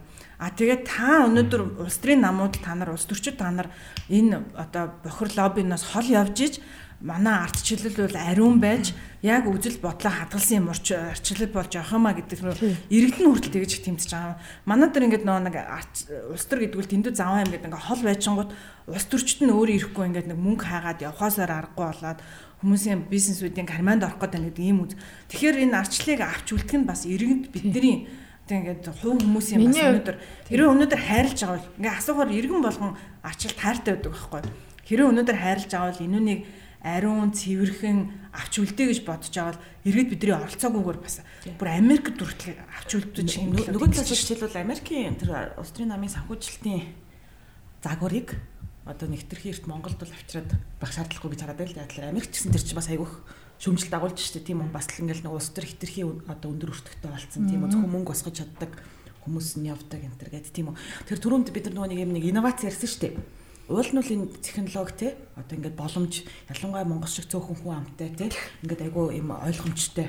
Хараа энэ яа? Нийгэмд уул нь бол ингээд нөгөө мөнгийг те ийм айхтар мөнгнөөс хамааралтай биш тийм үү? Хүн бүр дор бүрнээ одоо бас нэг одоо юу гэдэг итгэл сэтгэлээрээ тийм үү? Оролцоод. Тэгээ тийм нэг одоо загварыг болон бид нар бүтээх боломжтой гэж хараад байл дээ. Тэр нь магадгүй бидний үеийн мөрөөдөл ах хэвээр тийм үү? Тэ? Одоо энэ устрыг энэ мөнгнөөс нь салах юм тийм ээ. Илдүү янзын одоо тэр сонгуул одоо сонгуулийн тухай хууль гэж сая явлаа. Тэн дээр залуучууд яг эсэм дээр яаж оролцсон тийм биз дээ. Тэгэл ерөнхийдөө бол нөгөө нэг 30 жил телевизээр ярьсан таваар шүүд чинь бүгдээрээ одоо манай танаа нам хэлтгүүгээр хамт нийлж сууж байгаа л баталсан шүү дээ. А гэтэл тэн дээр бол ингээд нөгөө оролцооны хувьд тийм үү тэр нэг инновацтай шин чанарын саналуудыг бид нар өгч чадсан уу? Гүй юу тийм ээ. А бид нар гэдгийг нь бол би зүгээр нөгөө нийт үеэр нь ярьж штэ тийм ээ. Одоо ингээд нэг юм залуучууд тийм ээ. А тэгэхээр нэг тиймэрхүү зүйл дээр бол ингээд толгоогоо юугаа ажилуулмаар байгаа. Тэгээд нэгдмээр байна. Бид нар ингэж бодод байна. Бид нар бол ерөөсө хөндлөнгөөс хүчээр юм шийдэж бол чадахгүй. А эрх мэдлтнүүдийн сонгуулийн тогтолцоон дээр санхүүгийн зардал өртөг багтаагаар асуудлыг шийдэхгүй шүү дээ. Тийм болохоор манай залуучууд өөрсдөө айхтар эмчин а бид нар тэгээ нэмээ сонгуульдаа идэвхтэй оролцоосоо саналаа өгөөсэй гэж байгаа. Энэ тохиолдолд мөнгөтэй буюу нөгөө талдаа улс төрт олон удаа явцсан хүмүүс а залуу улс төрчид а тэгтээ санхүү өрнгийн боломжгүйгээс хүн болгонд хүрэх төр олон самбар байрлуулж материал тарааж тухайн хүмүүсийн ялгааг олоод харж хавах гэж бодож байна. Өртөг багтай сонгуулийн кампанид ажил хийж байгаа, өртөг өндөртөө хийж байгаа энэ хоёрын ялгааг манай орчин үеийн залуучууд бол шууд ялгаж харах үс ийм төвшөнд очсон гэж тэр утгаараа би бол маш их ихтгэл найдрав тээж байгаа. Та нар хангалттай ярьсан би зүгээр товчхой энийг хэлмээр байна. Сошиал бол гэхдээ энэ өнөөдрийн залуучууд яг мэдээлэл авч байгаа л ертөнц цолчод шүү дээ. Гэтэл бас харамсалтай нь яг хэлэхэд сошиал дээр бол манипуляц хийгээлтэй ингээл одоо зарим нь бол өөрийгөөс тэнгэр тултал магтуулаад өөрийнхөө өрсөлдөгчийг гадагш орлуулаад тийм ингээл байхгүй болгоод нөгөө нөгөө баг өрсөлдөгч мөнгө мутаа хүн нь баг няцаалт хийх хэвлэлийн цагч авч чадахгүй байж итл сонгуульд авчиж байгаа байхгүй тийм өөрөө бас өртөө нэмээд байгаа. Тийм шүү дээ. Тэгэл иргэд болохоор үнийг хэлэхэд одоо яг арчилсан энэ мэдээлэл чөлөөтэй болох тусам надаар ирж байгаа мэдээлэл үнэн шүүлтүр үгүй. юу гэдэг тэр шүүлтүр өөрөө өөртөө бас бий болох хэрэгтэй юм шиг байгаа. А тэгэхээр яг нь сошиал дээр тавьсан юм болгон үнэн биш.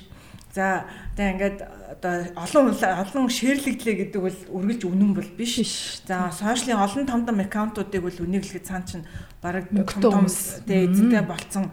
Ийм өнөөдөр байгаа цагт бид нар өөрөө өөрснийхөө маш нарийн шүлтүүрээр л хийхээс уул нь яг нөгөө яг асуудал тэр чинь болохоор нэг судалгаа байлээ л дээ яаж ийна гэхэлэр нөгөө фейк ньюсийн талаар тий одоо ойлголттой. Тэгээ сошиал дээр шүүлтүр хийх чадвартай. Фейк ньюс нь хуурамч мэдээлэл тий тэгээд тийм хүмүүс одоо нөгөө залуучууд бол угаасаа тийм одоо анханасаа сошиал дээр ороод ирсэн тийм үү илүү мэдрэмжтэй байна шүү дээ нөгөө тэр одоо цахим орчинд ингээд одоо юу гэдгийг ингээд ажиллаа сурцсан ч гэдэг юм уу те мэдээлэл аваа сурцсан. Тэгэхээр бол тэрийг бол ингээд бас ялгаж салгах боломжтой бүлэгмэн залуучд байгаа хгүй яг эсэм дээр тийм ээ. Нөгөө 60 настай Facebook дээр ахны аккаунтаа нээж байгаа манай тий одоо юу ихчүүл чадахгүй тийм үү? Ээжүүлж чадахгүй. А гэтэл одоо бүр ингээл баг ухаан орсон цагаас хойш харилцаж байгаа хүүхдүүл чадж байгаа байхгүй. Тий тэгэхээр бол уулнууд бидний тэр нөгөө нэг хүсэж байгаа одоо юу гэдгийг те тэр зорилтод бүлэг те тэр шүүлтүр бас хийх боломжтой. Тийм ээ тэгэхээр тэр шүүлтүрээ хийгээч тэгээ дээрэс нь одоо тэр нөгөө нэг юу гэдгийг эргэн тойрондоо бас уриалаач тийм ээ. За би баг сүлд хөтлөгч болох юм за манай мөхтөл ярина.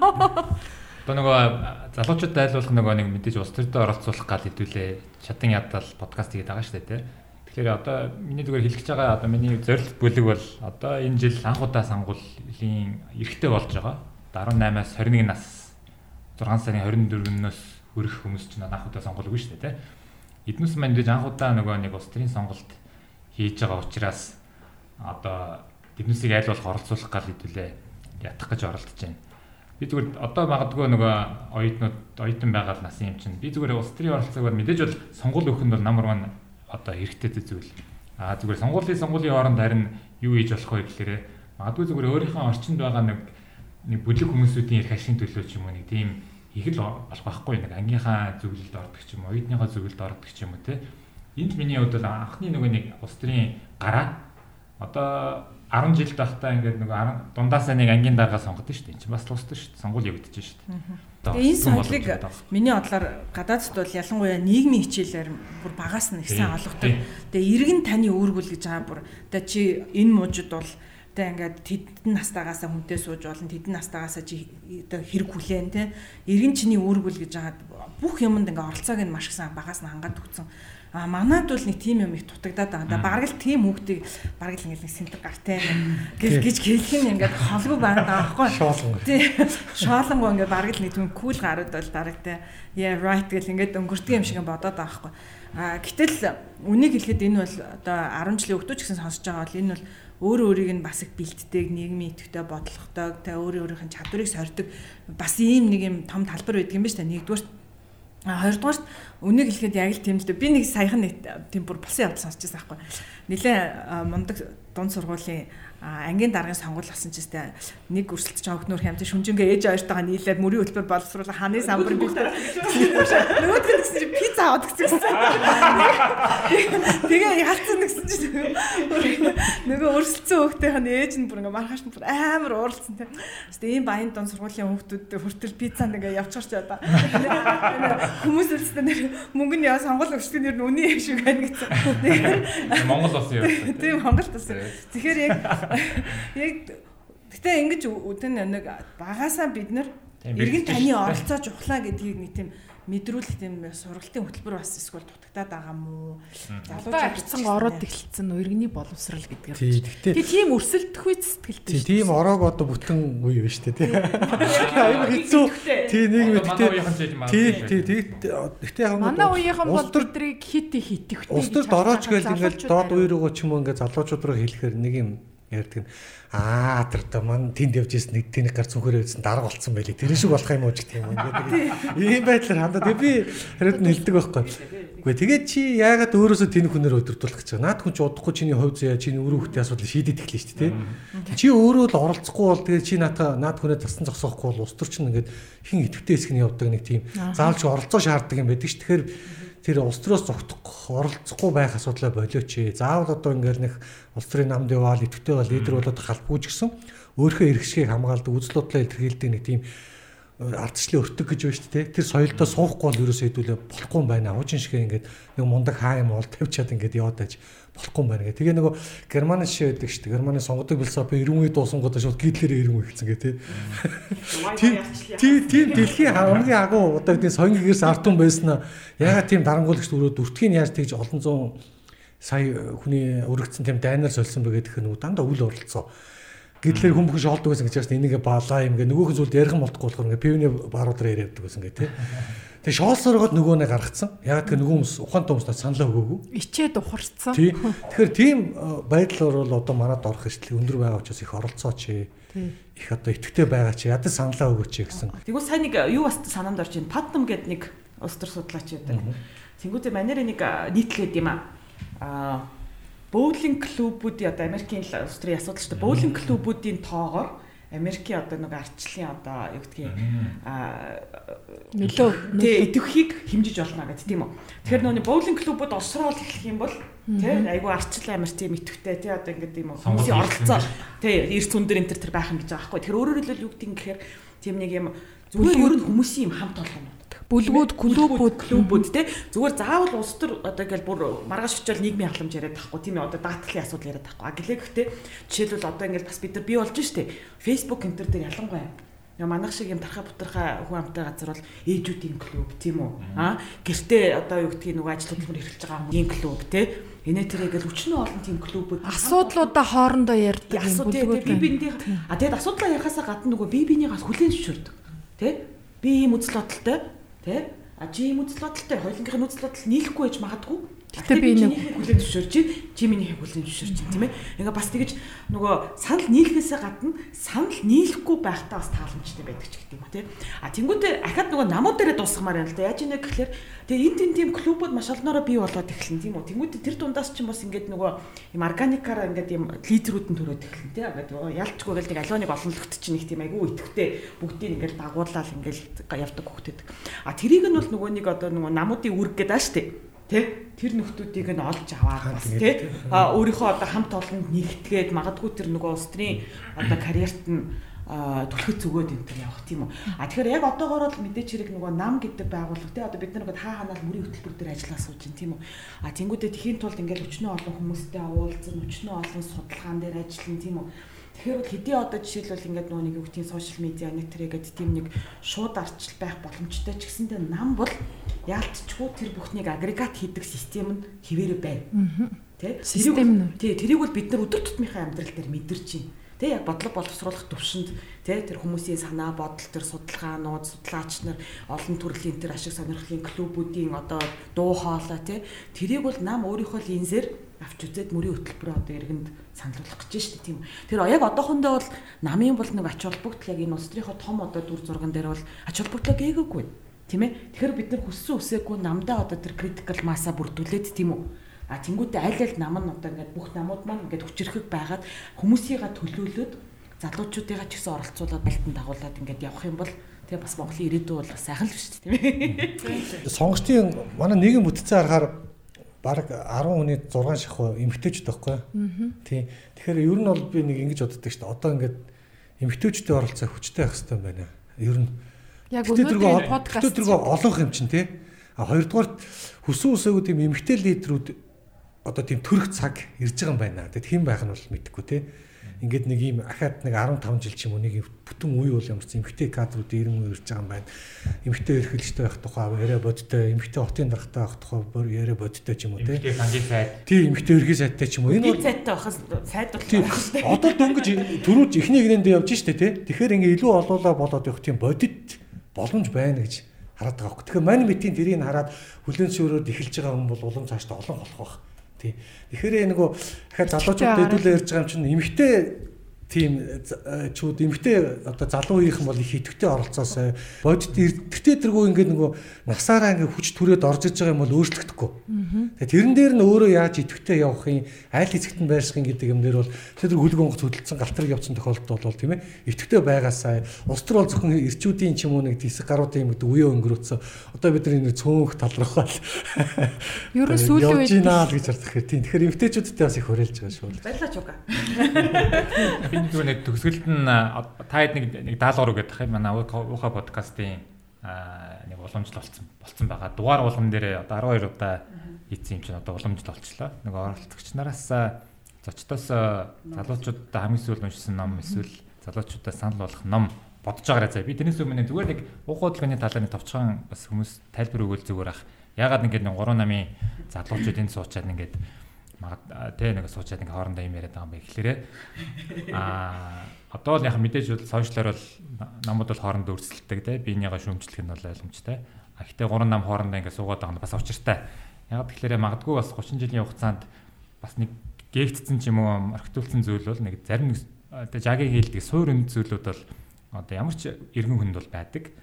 А тэн дээрээ нэгдсэний үндсэн дээр хэдүүлээ үзэл баримтлалаар хоорондоо өрсөлдөж болно чи бол одоо тэрийн оролцоогоо боль чи эсвэл тэр би бол юугаа боль та те тэр өмч компанид бойл эсвэл тэр өмч компани байх ёсгүй гэдэг тийм гоё бодлогын хоорондын уулын мэтгэлцээнүүд явмаар хэтэл суурин зүйлүүд алдагдаад байгаа учраас магадгүй бидний угаа хөдөлгөөний бас зүйл байгаа. Тэднээс бол хамгийн түрүүнд хэлэх нь бол мэдээж бол хүний эрх эрхчлөө гэдэг юм дээр магадгүй 30 жил бас магадгүй сүүлийн жил бас нэлээд зөрчилдөх хэрэгүүд нь гарч байна.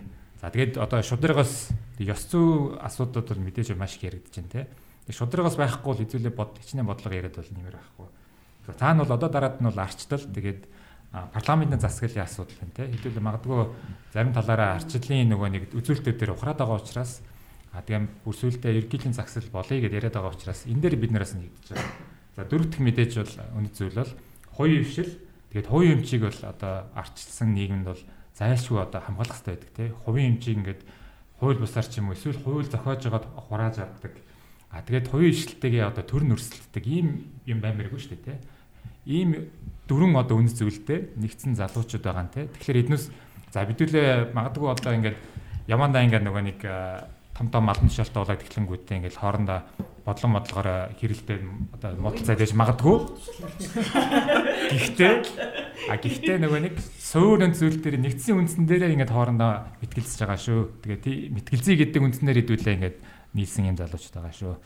За тэгвэл эхлээд санал болгох номуудаа Айгу самсраг ослохоор жоо бод бод. За би хэлчихье.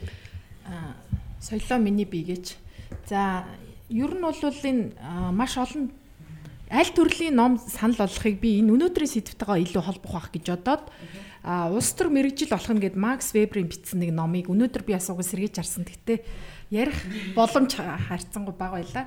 А тэгээд энэ ном бол улс төрч мэрэгжил болох нь гэдэг нь улс төр өөрөө маш хэцүү ийм үйлс а маш их тэнцэн шаардсан. Гэхдээ шантралгүй яваарай. Тэгсэн цагт чиний мэрэгжилч улс төрч болох юм шүү гэсэн санааг агуулсан юм билээ. За өөр бас нөгөө Фукуяма гэх түрүүн би дурдсан улс төрийн яг бүтэн нэрийн шууд санахгүй Франсис Фукуямагийн улс төрийн их сурвалж илүү тэр хоёр бот дэвтрээ тэр ном бас их яагаад гол тогтолцоо ингээ улс төрийн намын институт болсон юм бэ гэдэг талаар бас мэдлэг авахд дайжгүй. Тэгээ бас саяхан нэг залуу бүсгүйгээс бэлгүүнгээд би ном бэлгэнд авсан. Тэр нь зоримог бүсгүйгээд манай яг нийгмийн бас итэвхтэй иргэд бүсгүйчүүд болох одоо чукаг хэлсэнчлэн эмгтээчүүд өөрсдөө цаанаасаа байглаасаа гэдэг шиг итэвчж бас оролцоогоо нэмэгдүүлж эхэлж байна. Эн чинь бас цаанаасаа ингээд хүссэн хүсээгүй ирдэг явдал гэдэгтээ өөртөө чи санал нэг байна. Тэр тэд нар маань нийлээд зоримог бүсгүйгээд номыг орчуулсан байна л да. Тэр номыг би харахад яг эрэгтэй эмэгтэй хүмүүсийн ялгааг тодорхойлцсон. Эрэгтэй хүмүүс жишээлбэл ажлын байран дээрээ ч улс төрч ч карьераа нэмэхэд мотивац нь бий гэдэг дээр илүү дөрүүлдэг бол тэгээ илүү албан тушааллын төлөө ч гэдэг юм уу илүү тэр өөр амжилтын төлөө явдаг бол эмгтээчүүд бол цаанаасаа түрүүний бидний яриад байгаа шиг оролцоо, сайн дурын үйлс, бусдыг гэсэн тэр нинжин сэтгэл дээр нинжин ч ахвтай бусдыдаа бас өөрхөө бий болгосон хувь нэмрийг оруулах юмсан гэсэн энэ үзэл дээр илүү явдаг. Гэхдээ өөрийгөө тэр өөрчлөх 12 муу зуршил байна гэн. Тэрийгэ хэрхэн даван туулах тухай зөвлөгөө надад их таалагдсан. Тэгэл бидний үед чинь бас дуугүй бай, даруухан бай, аль хор хоошоо суу, ахмад ярьсны дараа дуугар гэд их загнуулдаг үе байла. Одоо орчин үе бол арай өөр оролцооч, дуу хоолойгоо гаргаач, өөрийнхөө хүсэл мөрөөдөл байгаа асуудлаа илэрхийлээч гэдэг үе болсон болохоор бидрээс арай ахиу төвшөнд явж байгаа. Тийм учраас одоо энэ 2020 онд ч гэсэн залуучуудын маань оролцоо илүү өндөр түвшинд байх байх гэж харж байгаа. За баярлалаа. За болгоо. Би Churchill-ийн Walking with Destiny гэдэг нэг хувь заяатайгаа алхах нь гэд тэр номыг уншиж байгаа бараг талаас нь илүү нэлээд зузаан ном. Тэгээ улс төрчийн хувьд бол би Churchill-ыг амар шүтдэг. Тэгээ айгу хүнд үед Английн бас ерөнхий сайд байсан те. Заримдаа хэцүүч характертай хүн байсан гэж ярьдаг. Гэхдээ даваад гарсан дээрэс нэмээд айгүй мундаг бичгийн чадвартай мундаг оратор илтгэх чадвартай хүн байсан. Би ялангуяа одоо тэр хүний бүр ингээд нэг тавьсан илтгэлүүдээр нь бичсэн өгүүдээр нь тэр ном хэвлэгдэж гарсан гэс би тэрний дараа нь авч уншимсан гэж бодож байгаа. Тэгээ би эндээс нэг юмэг ингээд үнэхээр энэ бол бас Английн одоо тийм мундаг соёл байсан бах. 20 дугаар дайны үед тэр хүн чинь war correspondent хийжсэн шүү дээ. Тэгээ дайны э, талаар нийтлэл бичдэг байсан юунуудад сонингуудад тийм ажил хийдэг гэсэн дайнд одоо байлтгын хааж байгаа. А тэгээд тэрүүнийхаа дараагаар тэр бичсэн бүх юмнуудаараа тэгээ ихтгэл уншаад ингээд тухайн үедээ сая доллар олчихсон гэж байна Сая доллар. Тэгээд хэдийгээр тийм шүү дээ. Тэр чинь нэг тийм баян хүний хэдийгээр хүүхд байсан гэсэн аав нь нас барсныхан дараа өөрийнх нь ээж нь үл тийм үрлэгэн хүн байсан. Тэгээд аавынх нь хамаг мөнгөийг өрөөд ерөнхийдөө дууссан. Тэгээд өөрөө бол за би хэрвээ яг л нөгөө аристократ энэ одоо амьдралаараа амьдрыг гэвэл би өөрөө л ажил хийж мөнгө олох хэрэгтэй байна. Тэгээд тэр үтэл би үл ээжтэд нэмж мөнгө өгөхгүй бол одоо манай ээж үл үрлэгэн хуу. Их мөнгө хэрэгтэй. Их мөнгө хэрэгтэй. Тэгээд би өөрийгөө бас давхар авч явах хэрэгтэй байна гэд Тэгээ би тухайн үед тийм 1940 онд хүн сая доллар олно гэдэг бол Английн нийгэм оюуны хөдөлмөр ямар их үнэлдэг байсан нийгэм юм бэ гэж бодсон. Өнөөдөр ч Монгол хүнд Монголд ч хүн ном ном бичээд лекц уншаас сая доллар бол болохгүй шүү. Тэгэхээр бид нэр бас бодгол л өстой. Тэгээ тэрүүгээр анхлаад улс төр хийх тэр гараагаа бас эхэлж исэн гэж ярьдаг. Би яг нөгөө бодог ус тэгээ сая нэр юу болсон юм бол өөр дандаа л нэг уран зохиол шиг нэг гитат хэл сурч орхолдоод байгаа уран зохиол байна шүү. Тэгээ улс төртэй холбоотой гэдэг чинь нөгөө хоёроо нөгөө нөгөө их сайхан ерхий сайд байсан. Мэдсэхний их сайхны социализмоос капитализм руу гэдэг ном гараад хар урдраг гэж утсан. Эхний өдөр нь дууссан байж хоёр дахь өдөр нь авсан. Энэ төр ном хоёр дахь өдөр лээ. Тэгээд тэрийг би юм ном. Би ах нарын чи хэлээд байна шүү. Онийг барьсан шүү. Байн байн шорон тэгээд ном бичдэг гэдэг юм ингээд. Одоо тэрийг шорон тэгээд ном бичнэ гэдэг юм шүү. Тэгээд за энэ бол нэг. Тэгээд тэр номыг унссан дуусаг л байгаа л да шийдсэн л байж байгаа. Талд нь бас ороод өрцөн. Тэр ном надад хамгийн их таалагдсан одоо нэг хүмүүс сүүлийн 30 жил шилжээд 30 жил боллоо энийг нэг дүгнмээр байна гэснээр тийм хүн бүхний нэг хандлага шүү бид яг хөгжсөн юм уу гэж юм юу болоод байгаа ингээд болж юм болохгүй юм гээд. Тэгээ тэрийг анх удаа дүгнэх гэж оролцсон байлээ нөхөр өөрийнхөө ороо. Тэгээ зарим санал нийлэх юм нийлэхгүй юм гол нь дүгнэх гэж оролцсон байгаа байхгүй. Ихэнх нөгөө нэг одоо намтарцууч нандаа өөрийгөө яриад дуустдаг штеп тэгэхээр нөхрийн ном бол ерөөсөө сүүлийн 30 жил бид юу нь яаж явсан олдны үеийн алдааны үеийн дараа нь бидний хүлээж байгаа дараагийн 30 жилийн хүлээлт юу байгаа гэдэг их эдийн засгийн хувьд гэсэн энэ либерал төрч яваад их сайн бичсэн юм уу гэж харсан. Тэгээд залуучууд бас тэр санд болгоор их айгүй энгийн үгээр норшуу биш нэг өгүүлбэрт нэг 5 дахь өгүүлэх шиг үлээ. Тэгээ айгүй ингээд онлууд тодорхойлоо. Тэгээ хөгжлийн бодлогууд яриад өөрийгөө ярьж исэн нөгөө түүхээ бас яриад ирээдүг яриад энэ их тийм хөнгөн айтайхан ном байлээ шүү. Тэгээ баг сурагч хэмжээнд юм шиг надад санагдсан. Тэгээ залуучууд явал тэрийг бас аваад уншуулах айтайхан л За одоо миний би нэг дандаа нэг аль болох нэг хоёр ном ихлүүлэхийг боддог. Нэг нэг жоохон сериус, нэг нэг жоохон түүх мөх ч юм уу те. Гэхдээ яг би нэг уран зохиол уншиж бүр загуулчих байх болно. Гэхдээ мэдээж унших дуртай байсан. А одоо нэг уншиж байгаа би нэг өмнөх дугаар дээр нэг арай нэг сериалын ном. Зохиолын ном бүр хайцсан шүү дээ. Сайн хэлсэн. Гэхдээ байгаа хэлсэнгөө. Өмнөх дугаартаа нөгөө нэг сериалын ном санал болсон. Одоо нэг жоох хөнгөн маягийн би нөгөө Jack Weatherford-ийн нэг аа гурван ном бичсэн те Чингис хааны тухай. Нэг нь бол Чингис хаан нэг орчин үеийн нийгмийг байгуулах. Би Монгол нэрийн боо хийсэн юм шиг магадгүй Хоёрт нь болохоор Монгол хаттын тухай тий. Тэн дээр бол одоо Чингис хаан бол баг анхны феминист маягийн шахуулын ярьт бичсэн байлээ. Тэгэхээр тэр нас таал мдээгүй.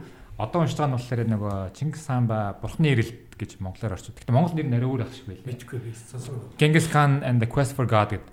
Би уншиж эхлэегүй учраас магадгүй зүгээр нөгөө тэр үеийн нөгөө нэг магадгүй төр хэрэгцсэн хувьд баг анх удаа ч юм уу мэдгүй.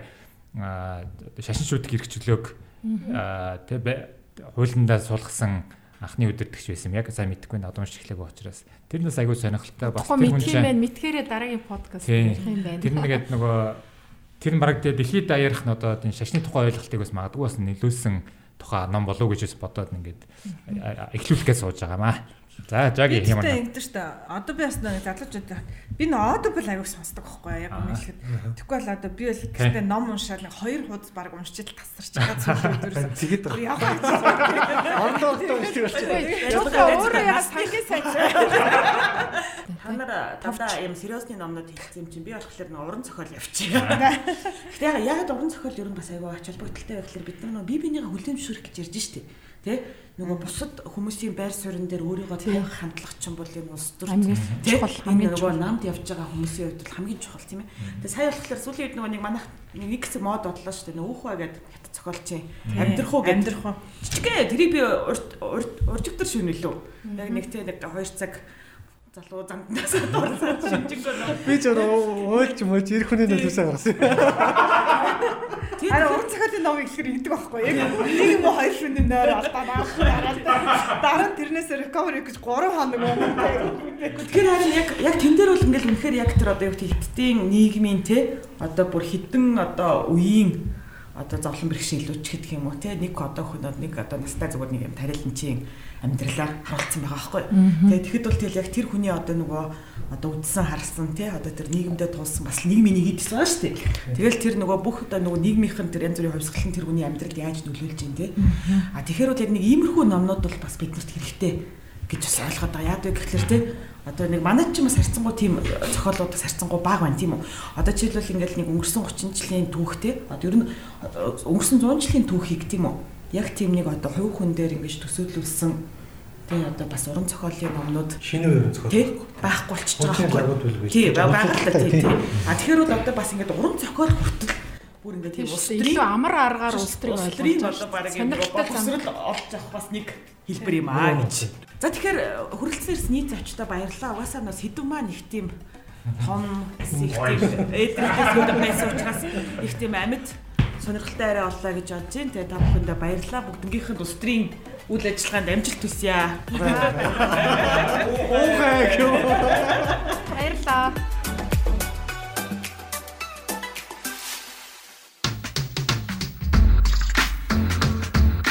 Уухай подкаст. Нийгмийн өөрчлөх залуусын хөдөлгөөн.